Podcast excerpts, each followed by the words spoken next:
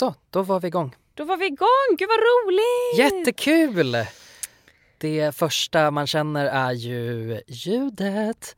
oh my god! ljud. Här sitter vi inte på något linoleumgolv. Nej, nej, nej. Inte. Vi blev spartanska för en vecka. Och jag, jag upplevde i Facebookgruppen som att det uppskattades. Ja, att folk tyckte folk att det var lite att det var mysigt. att vi satt hemma hos dig på ditt golv och hade ljuddämpat med tecken och kuddar. Det var lite mysigt faktiskt. Det var det. Det var det absolut. Men, Men, också lite mm, blodstoppande. Jag märkte ju att en, en fot domnade bort, knäna började verka. Det var inte ergonomiskt direkt. det var inte ergonomiskt riktigt. Men eh, det har vi idag. Vi sitter i vår nya studio. Alltså vi tackar ju så hjärtinnerligt för de 21 personer som har blivit Patreons till Konsten att vara. Tusen tack! Vi har tack vare er kunnat eh, ta in på en poddstudio, hyra in oss själva och det känns helt underbart. Jag blir helt pirrig när du säger så. Det är så otroligt roligt. Vilken magisk grej det är att, att få samarbeta med de som lyssnar. Och att vi då märker att vi faktiskt kan göra någonting av det. Det är inte bara någonting vi stoppar i våra fickor utan vi stoppar det i andras fickor så att vi ska få komma och spela in. Och jag visste inte att det kostade pengar att göra podd innan jag började göra en podd själv. Helt ärligt. Jag tänkte så här, bara, ja, ja det är klart att här, det kostar att köpa en mick men hur svårt kan det vara? Och sen insåg jag hur mycket jävla ljud det är runt omkring och hur viktigt det är att man sitter någonstans som är ljudisolerat och hur viktigt det är att bara att någon kan klippa. Och jag är så tacksam att du kan klippa Gustav så att du kan klippa tills vi har hittat en klippare. Ja, ja men visst. Men hur som helst, vi kommer prata mer om var vi sitter senare och vi kommer även såklart att tacka våra patrons som är så kallade kavgudar eh, vid namn eftersom det är det som utlovas när man ger 10 dollar. Eh, men nog om det. Hur mår du Gustav? Jag mår bra. Mm. Jag, mår, eh, jag mår toppen. Jag eh, är eh, ganska skärpt och pigg och, och, och glad Ja. och så. Mm. Så att jag har inte mycket att klaga på. Hur mår du? Gud vad skönt. Jag, nej, jag vet inte. Det, jag är inte i mitt bästa place. Alltså. Jag fick mens igår och jag tror att jag har en PMS som sitter kvar.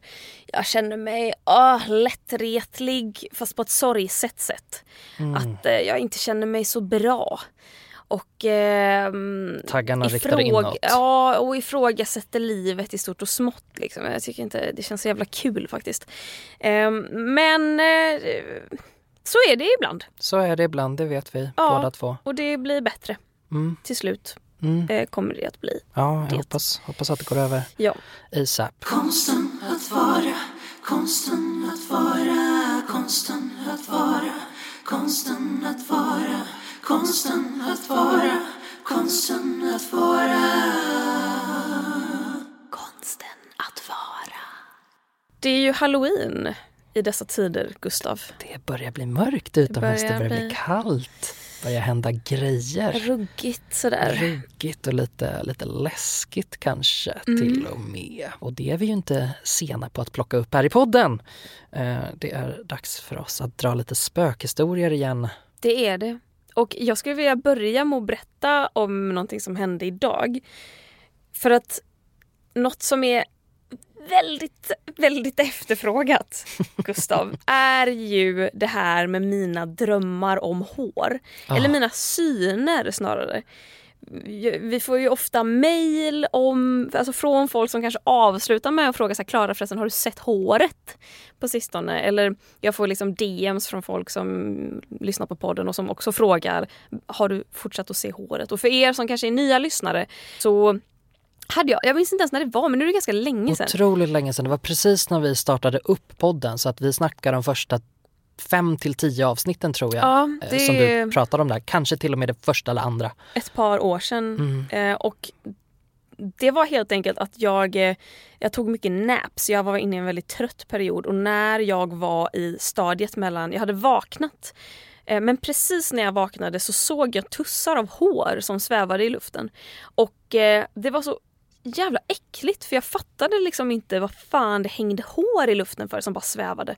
Och sen eh, började jag se det jättefrekvent och eh, det bara försvann. Liksom, eh, själva synen bara fejdade ut och då insåg jag att jag hade sett i syn och att det här var någonting som, mm, ja men det var typ hallucinationer som jag såg när jag vaknade. Och det här har inte jag sett på jättelänge. Klipp till idag. Jag tar en nap och jag vaknar Um, jag, jag, jag, jag tror inte ens jag är riktigt medveten om att jag vaknar. Jag bara slår upp ögonen.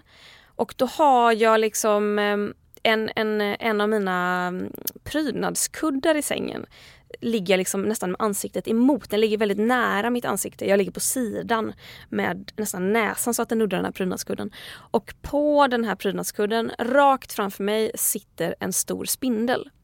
Och det är som en sån pappa långben, du vet, fast lite grövre. En sån med väldigt långa smala ben. Den är liksom stor som en eh,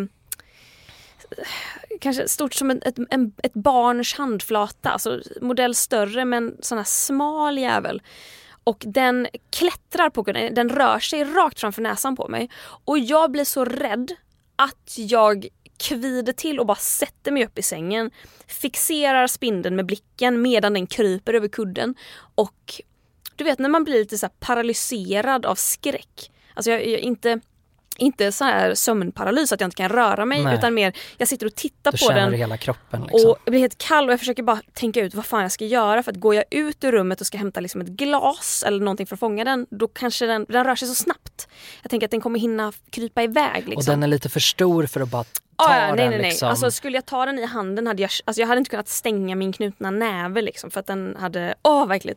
Och medan jag ser den här krypa över kudden så ser jag i ögonvrån någonting annat som rör sig. Och då ser jag att det är två spindlar, två sådana stora jävla och att jag liksom så här, nästan ryggar bak från kuddarna. Och bara sitter och stirrar på dem, här stora smala spindlarna medan de kryper båda två över min kudde.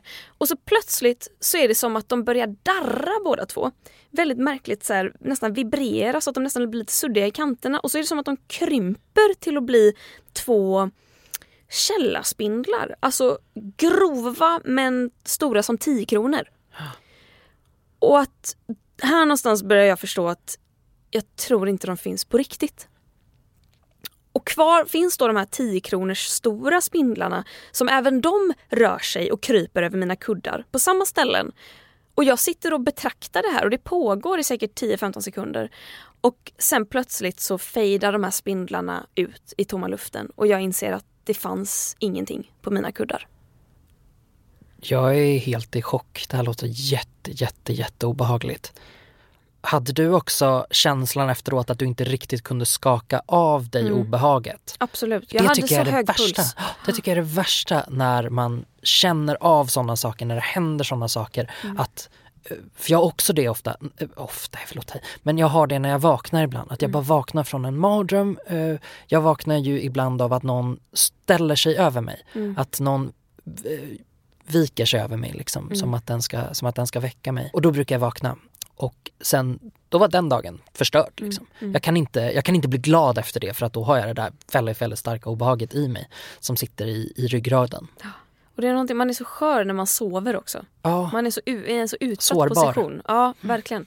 Och jag fattar fattar ju inte varför jag ser de här grejerna. Det är så jävla konstigt. Och det här är ju exakt samma grej som håret. Fast betydligt äckligare. Här var ju någonting konkret. Håret är ju bara hår som har hängt ja, i luften. Ja precis. Det är så pass abstrakt så att mm. man kanske inte förstår det. Men en, en stor spindel mm. och dessutom som ändrar storlek mm. på det obehagliga sättet mm. tycker jag låter helt fruktansvärt. Det är som, det är som Harry Potter-scenen när de ska i fjärde boken och filmen när mm. de ska visa Crucio förbannelsen på en spindel ja. och han, han förstorar den. Ja. Men det blir motsatt istället. Tur var väl det att den inte blev större i alla fall. Men det är något så otroligt obehagligt med att veta att jag har suttit och stirrat i skräck med liksom en puls på 190 mm. på mina kuddar. Och det har inte varit någonting där. Det vet har varit rena hallucinationer. Vet du vad jag tycker är obehagligast med det här är? Nej. Du är typ topp ett min rimligaste sunda kompis. Mm. Om du ser såna här saker, då tror ju jag på det. Ja. Det här händer ju. Ja, ja, nej, alltså jag är för dålig på att ljuga för att hitta på såna här saker. Um, men jag googlade vad det innebär att drömma om spindlar. Mm. För att jag minns att vi pratade om vad, vad, vad det betyder att drömma om hår. Um, ja, och det var eh, sperma Ja, det var någonting om sexualitet, att Jaha. man ville leva ut. Förlåt, det var lite för specifikt Det var... kanske sperma, sperma kanske involveras i det. Jag får för mig att det var vitt hår och att det var på något sätt kopplat till orgasm och sperma. Alltså det kan, ju, det kan ju vara så, det är bara det att det var inte det jag hittade. I alla fall. Okay. Men spindlar i alla fall, det betyder tydligen två olika saker. Dels står spindeln för, det representerar kvinnligt. Så att, att drömma om en spindel kan betyda att man drömmer om en kvinnlig figur man har i sitt liv. Um, en betydelsefull sådan, det kan vara en kvinnlig vän, en kvinnlig partner eller en kvinnlig eh, förälder. Det kan också betyda att man ser sin framtid och att det betyder framgång, kanske pengar, tur. Att drömma om spindlar.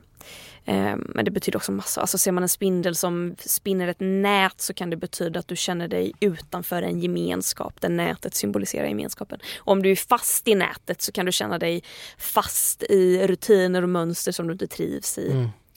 Jada jada. Men jag såg ju två spindlar och de var skitäckliga och det hittade jag ingen tolkning på.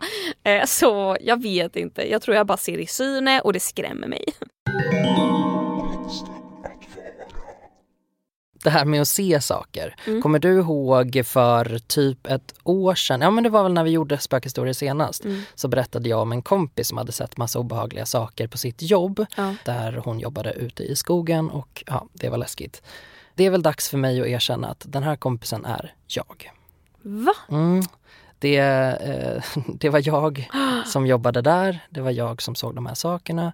Det var eh, alltså, ja, jag, det var ju, för att dra historien igen då. Ja, en Vi- recap. En recap. Jag jobbade ute på landet i skogen söder om Uppsala i ett stort hus som hade varit sanatorium ehm, i början av 1900-talet och så gjordes det om i flera omgångar till massa andra verksamheter och jag kom dit i tidiga 20-årsåldern och jobbade där på ett boende.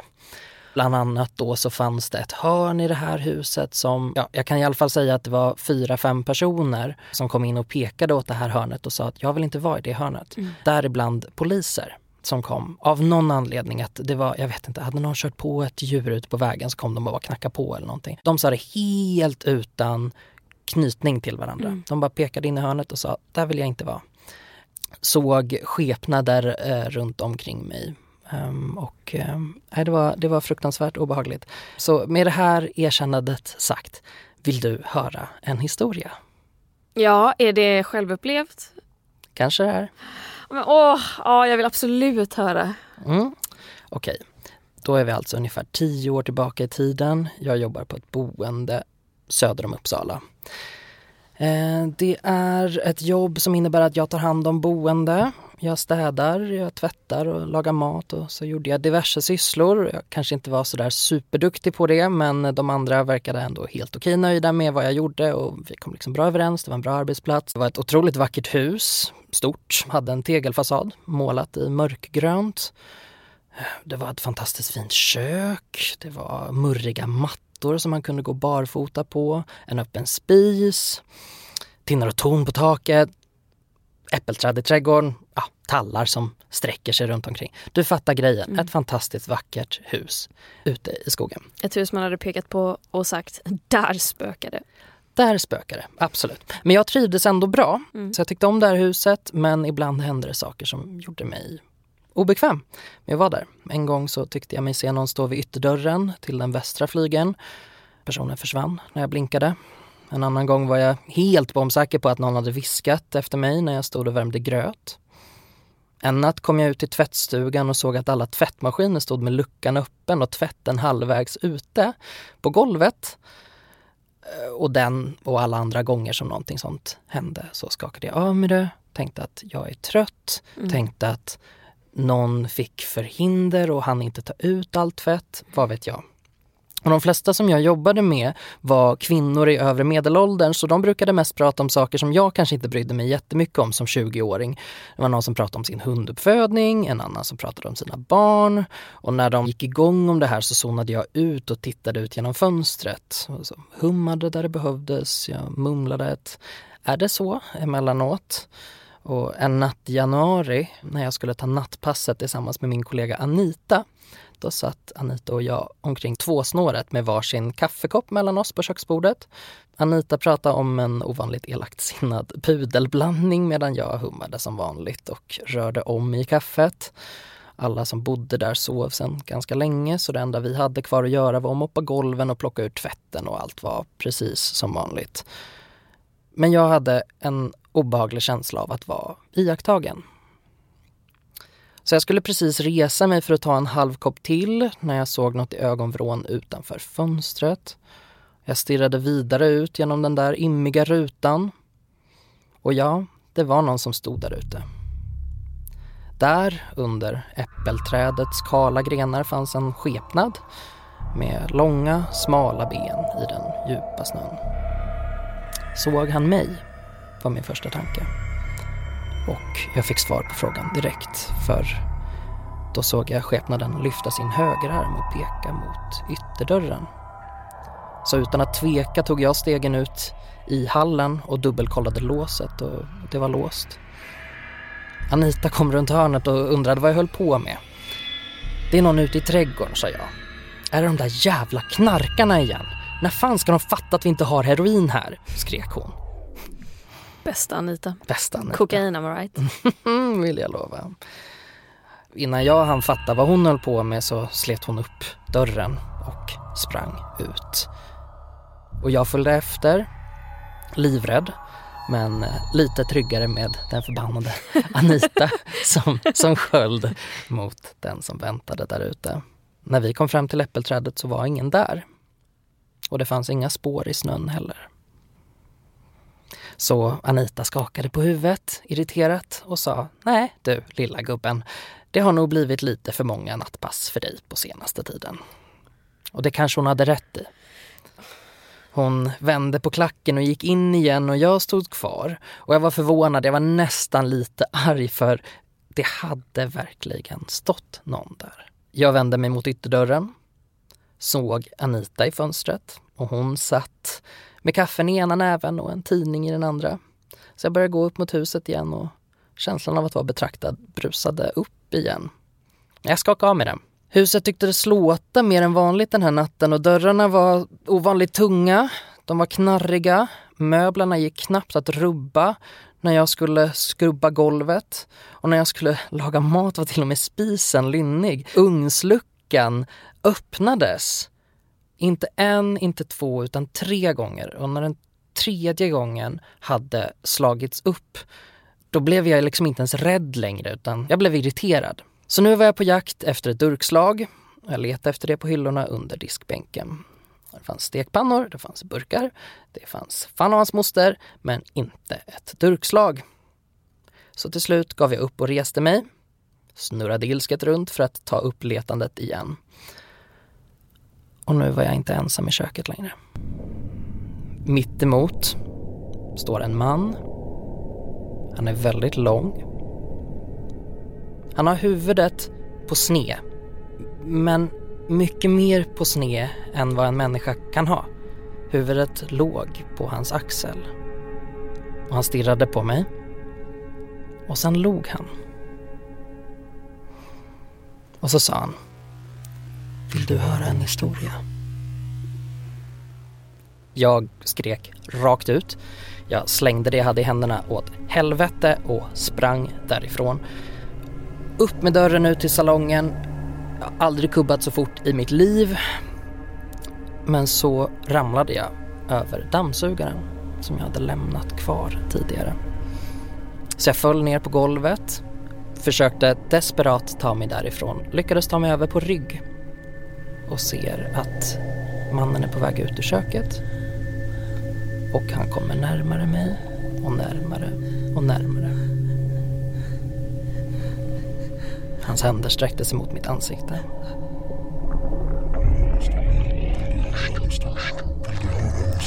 Vill du höra en historia? När jag vaknade 18 timmar senare då låg jag i min säng på övervåningen där jag brukade sova ibland när jag hade varit på nattpasset. Bredvid mig satt min mamma och i bakgrunden satt en läkare. Och läkaren sa att du har svimmat av vätskebrist. Min chef kom in i rummet och så körde hon ut de andra. Och så satte hon sig ner bredvid mig och sa att det är flera andra som har råkat ut för samma sak som du, men det är ingen som har upplevt det här i samma intensitet som du har. Så hon sa att vi ska ta hit ett medium som ska ta bort det här. Och dagen efter så kom det ett medium dit och hon var nästan arg på mig för att jag hade öppnat dörren. Hon sa att om ni bara hade sagt till när ni började märka att någonting inte stod rätt till så hade det här varit så lätt att åtgärda. Men nu var hon tvungen att göra sin ritual tre gånger om. Så hon gick runt, hon rökte salvia, hon mumlade ramsor och till slut så kändes det som att luften var lite lättare. Jag jobbade kvar i ett år efter det här. Och sista natten som jag sov där kändes det bra. Inget konstigt alls. Gick och la mig. Tänkte att wow, det här har ändå varit en tid i mitt liv. Sjukt att det är slut. Och så blundade jag och skulle precis somna när jag hörde Vill du höra en historia?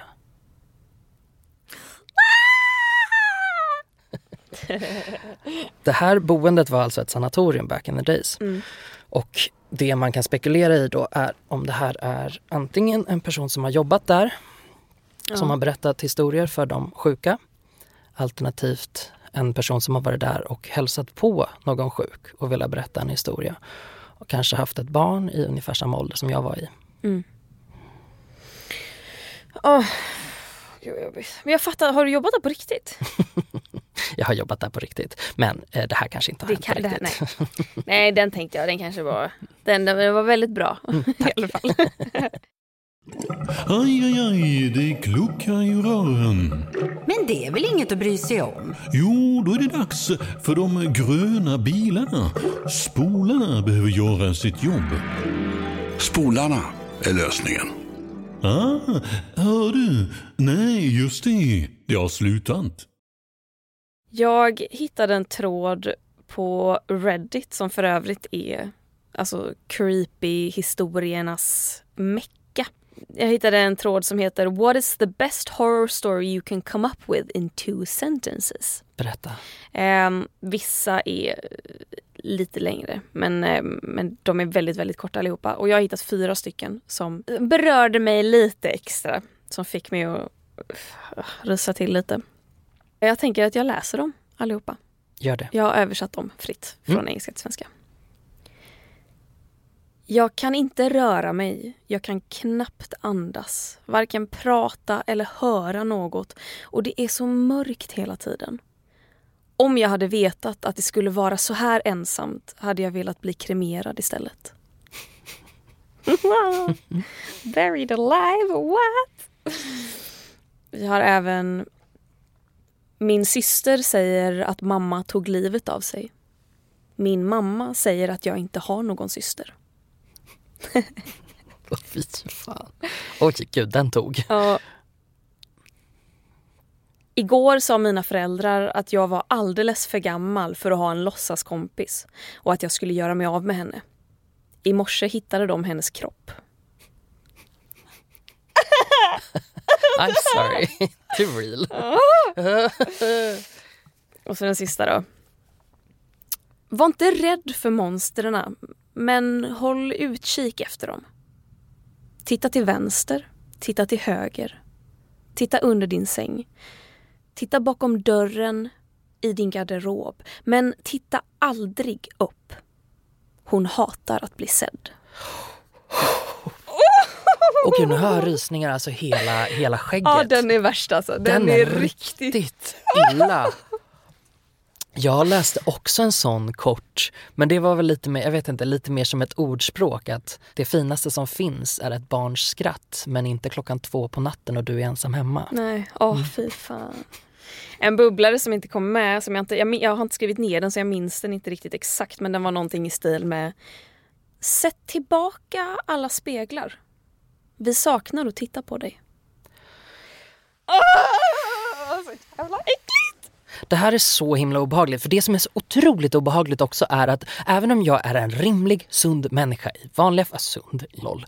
Eh, helt okej intellektuell människa så känner jag mig alltid lite skyldig när jag pratar om sådana här saker. Det känns så obehagligt och det känns som att så här, tänk om man retar upp någonting. Ja, Tänk. men det har ju min mormor alltid sagt. Ja. Jag vet inte om jag har sagt det tidigare i podden men min mormor är en sån som har sett saker, hört saker, känt saker hela sitt liv. Och eh, någon gång när hon var hemma hos mig och jag började berätta om saker som hade hänt i min lägenhet så blev hon nästan lite så här: nej, nej, vi ska inte prata om det här. Och jag var bara va? Varför inte? Du har ju berättat massor av grejer du har varit med om. Hon bara ja, men du ska inte prata om det där det händer. Där det händer. för då Nej. välkomnar du dem. Och det vill man ju verkligen inte göra. Absolut inte. har vi pratat om det tidigare? Jag brukar ju, jag brukar ju prata i rummet med dem. Mhm. Av någon anledning så pratar jag aldrig om, om det hemma. Det, jag vet inte om jag också följer den regeln. Bara helt omedvetet, undermedvetet. Men eh, jag brukar kunna säga, jag bor här själv. Ja, Tack så mycket. ja. Eh, och då kan jag somna efter det. Mm. Innan det kan jag inte. Vissa kvällar, det är inte alla kvällar som det känns som, men vissa kvällar känns som att nu är det någon här och nu måste jag göra det väldigt klart för den att, att det är jag som bor här.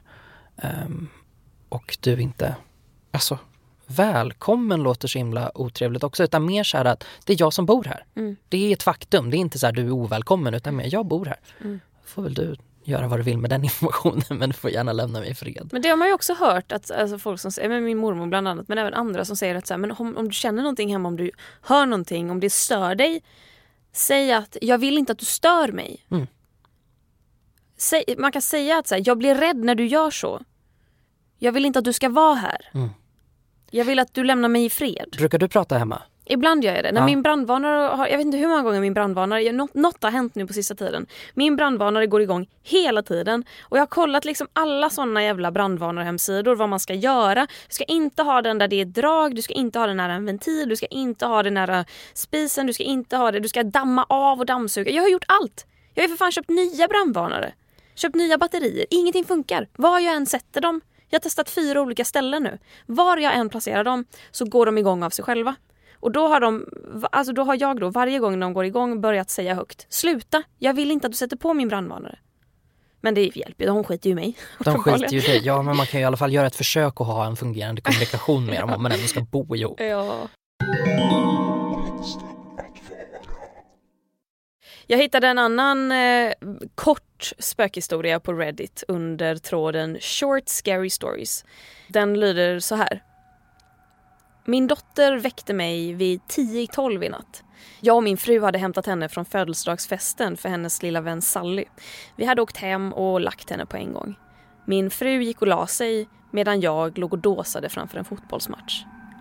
Pappa, viskade hon och drog i min skjortärm. Pappa, gissa hur gammal jag är. Jag vet inte älskling. Hur gammal är du? Svarade jag och satte på mig mina glasögon. Hon log och höll upp fyra fingrar. Nu är klockan halv åtta på morgonen. Jag, min fru och vår dotter har varit vakna i nästan åtta timmar. Men hon vägrar fortfarande att berätta för oss var hon har fått fingrarna ifrån.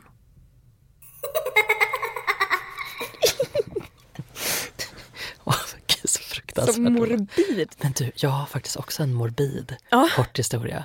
Shoot. Börjar med att en, eh, en liten pojke sover i sin säng men så hör han fotsteg utanför sin dörr och så tittar han ut genom dörren för att se vad det är som pågår. Då ser han en mördare. Han eh, ser att mördaren bär liken efter hans föräldrar. Och mördaren sätter dem på varsin stol och skriver någonting på väggen bakom i blodet från föräldrarna. Sen gömmer han sig under barnets säng. Och barnet är bortom alla gränser rädd, livrädd. Han kan inte se vad det är som står på väggen. Men han vet att mannen är kvar under sängen. Och så låtsas han att, att, han, har, att han har sovit sig igenom allt det här då. Eh, och han helt enkelt inte har vaknat och, och märkt det här och så ligger han där stilla och hör andetagen under sängen. En timme går och hans ögon börjar anpassa sig efter mörkret. Så försöker han igen då läsa vad som står på väggen men, men det är svårt. Så när han till slut lyckas läsa orden så står det Jag vet att du är vaken. Jag är fortfarande rädd för vad som finns under min säng. Jag kan inte ligga med benen utanför min säng Nej, fortfarande. nej, jag nej, fyller nej. 30 år, jag kommer troligtvis aldrig kunna göra det. Jag kan Sunt. ligga Ja, Bra! jag kan ligga med ena foten utanför en stund och sen så, men jag skulle aldrig kunna somna så. Nej, men det är ju dödslängtan att ligga med kroppsdelar utanför sängen. Ja. Samma, bara utanför täcket tycker jag är lite risky. Ja, men det har jag okej, det, det, det är inga problem. Men däremot utanför sängens fyra kanter, Mm. där får inte mina fötter vara när jag ska sova. Jag har en sista historia som ehm, den verkar finnas i många olika varianter på internet. Ehm, den här snor jag nu rakt av från creepypasta.se ehm, som då skriver att här, den kallas The Portraits och den finns lite överallt på internet i olika tappningar men den då kan låta så här. En jägare hade varit ute och jagat hela dagen och när mörkret föll insåg han att han befann sig mitt i den djupaste skog. Mörkret föll och i sin skräck över att gå vilse bestämde han sig för att till att börja med försöka hitta ut ur den täta växtligheten. Efter att ha gått i vad som kändes som timmar blev träden färre och en liten skogsdunge öppnade sig. Mitt i dungen stod en gammal stuga. Himlen var nästan kolsvart och jägaren bestämde sig för att knacka på och se om han kunde stanna där över natten. När han kom närmre såg han att dörren stod öppen och det var tomt inne i stugan. Det var ingen där. Han gick in och såg en gammal säng som han lade sig på för att sova. Han var dödstrött och var precis på väg att somna när han kastade en sista blick ut i stugan. Då upptäckte han att väggarna var prydda med stora tavlor. Han kunde inte se så mycket i mörkret men han kunde se att de föreställde bleka ansikten. Bleka, förvridna, ondskefulla, nästan hatiska ansikten. Figurerna på tavlorna stirrade alla ner mot sängen i mitten av stugan. Mot honom och det gjorde honom ganska illa till mods. Han vände sig mot väggen och lyckades med en ansträngning att strunta i tavlorna och somna. Nästa morgon vaknade han. Han vände sig om, blinkade i solljuset. Och när han tittade upp i stugan insåg han att det inte fanns några tavlor på stugans väggar. Bara fönster. Gud. det är så fruktansvärt obehagligt. Ja, det är eh, ja, fönster är också. Fönster och speglar. Fönster och speglar är jätteobehagliga. Mm. Jag har aldrig gjort eh, anden i glaset eller någonting liknande för att jag är så himla rädd för att man ska locka fram dem. Det, svarta madame och det där som man gjorde i fan. speglar. Det är sånt där som har gett mig en hjärtklappning så jag var jätteliten. Nej, jag skulle aldrig, jag skulle aldrig få för mig. Och, nej, fy fan. Ska vi runda av det här med moment of the week, Gustav? Ja, det gör vi. Jag har ett eh, fantastiskt moment of the week. Berätta! Mm, jag valde mellan två stycken. Jag hade ett dåligt, alltså moment of the svag och ett bra moment of the vecka. Och jag valde moment of the vecka för att det svaga innebar som vanligt att jag vaknade med spya i munnen, inte kunde somna. Fan. Så jävla.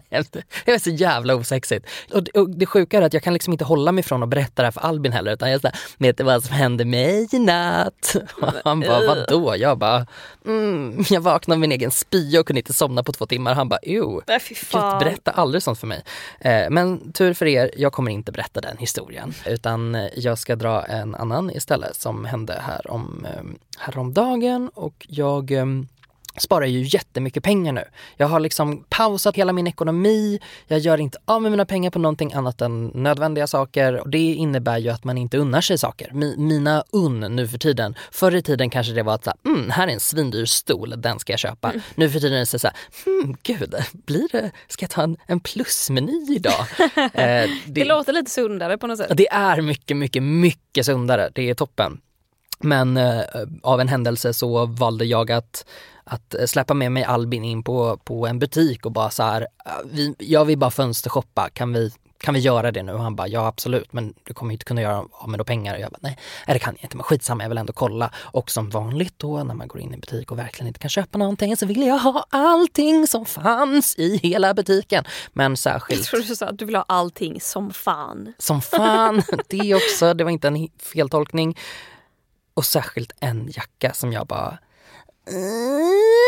Alltså jag gick sönder inombords och så blev jag hel igen och så fann jag Gud och så sjöng jag en sång eh, och sen så blev jag korsfäst och eh, jätteglad. Alltså jag ser den finaste jackan som jag någonsin har sett och bara, "Nej, men jag kommer inte kunna köpa den här för att den är inte, det är inte ett sunt val. Det var inte efter mina grundregler för vad jag får shoppa. Vad jag får shoppa just nu är saker i naturfärger, marinblått. Det får bara vara saker som så här, det ska kunna funka i tio år framåt. Och det här var en jacka i hundtandsmönster och grönt, ganska illigt äppelgrönt. Ja, hundtandsmönster är ju trendigt så det skriker Så om det just nu. helvete. Eller hundtantsmönster som jag trodde det hette första gången jag hörde det. Mm. Tills jag insåg att nej, hundtand. Och det makes sense för att mönstret är ju som små tänder liksom med rötterna. Samtidigt så makear det ju sens också för att det är ett lite tantigt mönster i början Det men att det blir trend, som trendigt emellanåt. Går runt med små hundar som bor på Östermalm. De bär ju det mönstret. Ja, då och de bär upp det väl. Exakt. Och jag ville vara en sån tant, men det, det blev jag inte. Eh, jag valde att inte köpa den här och så gick jag hem och bara så, "Uff, okej, okay, fan vad tråkigt att man gick in där och bara såg massa saker som man ville ha. Det är, liksom, det är mycket bättre när man bara så här, nu jobbar jag, nu åker jag hem, nu sover jag, nu jobbar jag, nu åker jag hem, nu sover jag. Alltså man ska inte gå in i butiker, det är helt huvudet liksom. Och så några kvällar senare så, så skulle Albin komma hem till mig och vi skulle käka middag och, och, och sova, det var liksom en vardagskväll. Eh, men då kom han hem och bara, du jag har en present till dig. Och jag bara, va? vad är det du säger? En present? Eh, och min hjärna började snurra i så här, gud vad är present, vad kan det vara? Eller så, mm, mm, mm, bli- Ofta, ofta tänker man ju att det ska vara en present och så får man kanske så här. Nej, jag köpte mjölk, för Ja. mjölken var slut. Exakt. Typ. Ja men precis, så att jag, jag ställde ju in mig på att det skulle vara liksom så här, jag köpte kaffe till imorgon och man bara, Mm. mm, tack. Eh, det blir jag också jätteglad av liksom. Gulligt but don't fucking call it a present. Nej, exakt. Men då, då så, så hade jag fått ett fint litet handmålat kort av Albin. Jag bara står ändå på baksidan han bara, ja läs. Jag bara okej, okej. Eh, så stod det bara, tyckte du var jävligt snygg i det här. Och jag bara, gud vad är det, liksom, vad är det, vad är det han har, vad har jag, vad har jag haft på mig någonting? Leopardstring. Leopardstring. Ja, men jag, ja men är det, jag bara, är det något sånt som jag kan ha haft på mig? nej, nej, jag tror, jag har ju ändå koll på, ah, okej. Så öppnade jag det och så var det jackan som han hade köpt till mig. Och bara så här, du hade aldrig unnat dig den här just nu, så varsågod, här får du en present. Fy fan vad fin! Det är så otroligt jävla fint. Och jag är så himla odräglig för typ dagen efter så var jag helt så här frälst över det här. Jag bara nej, nej, nej min pojkvän är bäst. Typ. Och så var det en av mina kompisar som innan hon liksom ens hade sagt någonting annat till mig så sa hon bara så här, jag hatar män för att hon håller på att genomgå en separation från sin man. Liksom. Och, ehm, och så här, normal reaktion från mig då hade väl varit så här Åh nej, ja vad tråkigt, vad är det som händer nu? Nej, Gustavs reaktion är Jag älskar män, min pojkvän gav mig en present igår och jag bara såg på min kompis att hon bara Vad fan är det för fel på dig? och jag bara "Ah, förlåt." nej. Åh, jag fingertoppskänsla. Nej, alltså noll, noll procent. Jag var så exalterad. Och det, så, ja. Ja, det kanske var mitt, mom- mitt svaga moment. Framförallt var det hennes svaga moment, Åh. stackarn. Uh, jag bara, "Men jag älskar män, min pojkvän är bäst. Åh, så, mm. Min pojkvän är bäst Men och jag är ganska fint. äcklig. Ja, Att du fick en jacka, shit Mm. det får man ju inte varje dag. nej, det var faktiskt väldigt, väldigt fint att han, att han snappade upp det, att jag, att jag ville ha den och Hmm. att han märker att jag liksom inte unnar mig så mycket längre och han vet ju vilken underska jag är. så han tyckte väl att det var viktigt. Nej men det, det var jätte, jättefint faktiskt. Så. vad gulligt. Du då? Nej men mitt moment måste ju vara helgen för jag var busy från fredag lunch till söndag lunch. Mhm. Eh, för jag blev eh, övertalad skulle man kunna säga att åka på träningsläger. Jag tycker det här spontant låter jättehärligt. Ja, Lite kollo. ja det var ju det. det är Mattias Svan då som jag åkte Vasaloppet med för Just SVT. ja. Mm. Ehm, vi har ju lärt känna varandra ganska väl efter det här och jag tycker så himla mycket om honom. Han vill ju gärna dra med mig ut och han vill att jag ska komma och åka skidor i Mora där han bor. Och jag ju, ja, dels har ju inte jag riktigt tid att sätta mig på tåg typ fyra timmar till Mora för att åka skidor en dag och sen åka hem igen. Men jag uppskattar ju det extremt mycket att han bjuder in och han är så vänlig och gästvänlig framförallt. Och han vill köra mig från tåget och allting. Ehm, och nu då skulle han ha ett träningsläger i Stockholm, i Saltsjöbaden. Oh, saltis! Där vi hör hemma. Ja, Precis. gud vad härligt. Ja. Eh, och, Och då kände du att det kan jag ju inte då, låta bli. Nej, och jag hade ingenting den helgen. Nej. Och jag, då hade jag ingenting hela veckan men sen visade det sig att jag skulle få fullt med jobb den veckan såklart. Och då, ja. Men så, så jag tackade ja till att bara, men absolut, jag är med på det här. Jag signar upp mig på det här träningslägret. Och det var ju då ett träningsläger fullt med människor som eh, kan åka skidor. Och det kan ju fortfarande inte jag. Det är ju liksom det som var problemet. Det var ju därför jag aldrig kom i mål på Vasaloppet. För att jag vet inte hur man gör riktigt. Ehm, så, så vi åkte rullskidor. Eh, jag höll på att dö. Ja, det låter verkligen fullständigt livsfarligt. Vet du hur lång tid det tog innan vi lärde oss att bromsa? En timme, Två och en halv. två och en halv. Och var, när vi väl gjorde det så kändes det mycket, mycket roligare. Ja, det kan jag Ehm. verkligen tänka mig. Det känns som en sån grundnivå. Japp. Så här stannar du. Japp. Men de Nej, tänkte nej, att vi nej, kör nej. på i två och en halv timme så får vi bara hoppas att ni inte Nej, men det- stöter på ett hinder. Det började väl med att vårt första rullskidepass var typ, jag, skulle, jag hade ingen klocka på mig, jag skulle gissa att det var lite drygt en timme kanske. Eh, och eh, då körde vi bara fram och tillbaka på en platt, vi, vi vi var i två grupper, de som hade åkt förut och de som inte hade åkt förut eller hade åkt väldigt lite. Och jag tillhörde ju givetvis grupp två. Och eh, då åkte vi bara fram och tillbaka på en platt eh, gångbana liksom. Och då behövde man ju aldrig riktigt bromsa för man kom inte riktigt upp i fart. Men eh, när vi skulle ut på vårt andra pass då bytte de liksom tränare eller ledare på passen så att vi fick eh, han som hade lärt oss åka fram och tillbaka hoppade med de som var grymma på rullskidor medan vi fick han som hade varit med dem förut. Mm. Och då skulle vi åka ut och det första som händer när man åker ner för hotellet i Saltsjöbaden är, det, det är ju en stor parkeringsplats som går ner i en backe mot en rondell och vi var ju bara ursäkta, så vi kommer inte ens kunna ta oss ifrån hotellet. För att det är en backe som går in i en rondell och där kör bilar och bortom den här, om vi nu klarar oss förbi rondellen, där är ett tågspår. Vi kommer dö. Men, men det var bara, äh, men det är bara att åka. Men Ja, vi alla, liksom, vi alla helvete. tog ju av oss rullskidorna och gick ner och sen satte vi på oss dem och fortsatte åka. Och eh, så hade vi liksom ett pass och någonstans efter typ ja, men en dryg timme in i det här passet så är det någon som säger att så här, men vi kan ju inte åka i nedförsbackar. Varför inte? Tycker Mattias som då är vår ledare och säger men det är bara att åka liksom, det är bara att våga. Vad är det värsta som kan hända? Och man bara, ja, men Ja, att du att man åker rakt ut i vägen och han bara, men ni får väl bromsa? Och vi alla bara i kör bara, vi kan inte bromsa. Och han bara, kan, kan inte bromsa? Men varför säger ni ingenting? Så då fick, då fick vi lära oss att bromsa. Eh, och eh, summa summarum, nu är ett par rullskidor på väg hem till mig för att jag tänker att nu ska, nu ska jag lära mig åka skidor. Äh, fy fan vad roligt ändå. Okej, men det här var alltså en positiv upplevelse? Ja, jag ska säga att det var en positiv. Ja. Eh, också lite dumdristig med tanke på att jag nu har beställt mig ett par rullskidor och tänker att här, det där gick ju jättebra. Ja, fast jag gillar ändå det här. Det är en resa du är på, Mm. det här med röra på dig, testa nya grejer. Ja. Jag, jag kan, ändå, kan ändå supporta det här. Ja. Vi får följa upp dina rullskidor i framtida avsnitt och se hur det går. Det kan vi göra faktiskt. Ja. Jag ska återkomma Mm, gör det, jättegärna. Innan vi avslutar så vill vi ju tacka Helio, vår nya poddstudio som är ett coworking space som vi har fått en plats på och får använda deras studio. Vi är så tacksamma att vi får lov att vara här och Ja. att ni vill samarbeta med oss med den här podden. Super, super roligt. Tack snälla. Tack, tack.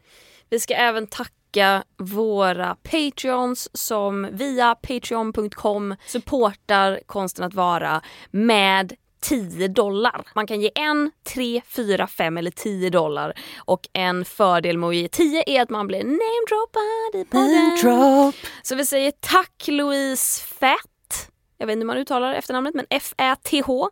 Tack Freddy Edstam.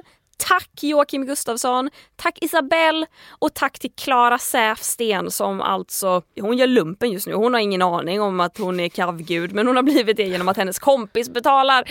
Så kan man också göra om man vill ge bort det här i present kanske till någon. Ja, det är helt fantastiskt. Tusen, tusen, tusen tack till våra patrons. Om du vill bli Patreon så går in på www.patreon.com snedstreck konsten att vara i ett ord. Ja. Och så kan du också ge oss då Dina antingen dina surt surt förvärvade slantar, stålar, riksdaler. Men även gå med i vår Facebookgrupp för där Ja. har vi ganska kul. Jävlar vilken aktivitet det, Det är blev sen förra superroligt. veckan. Ja, vi är alltså Woo! över 800 pers i den nu. Alltså, Det bara sprang iväg från oss. Det är så himla roligt att höra vad ni säger. Och vill ni gå med där så är det www.facebook.com snedstreck konsten att vara. Nej, snedstreck groups snedstreck konsten att vara. Eller så bara söker man på konsten att vara Mm. Det kan man också göra. Det kan man också göra.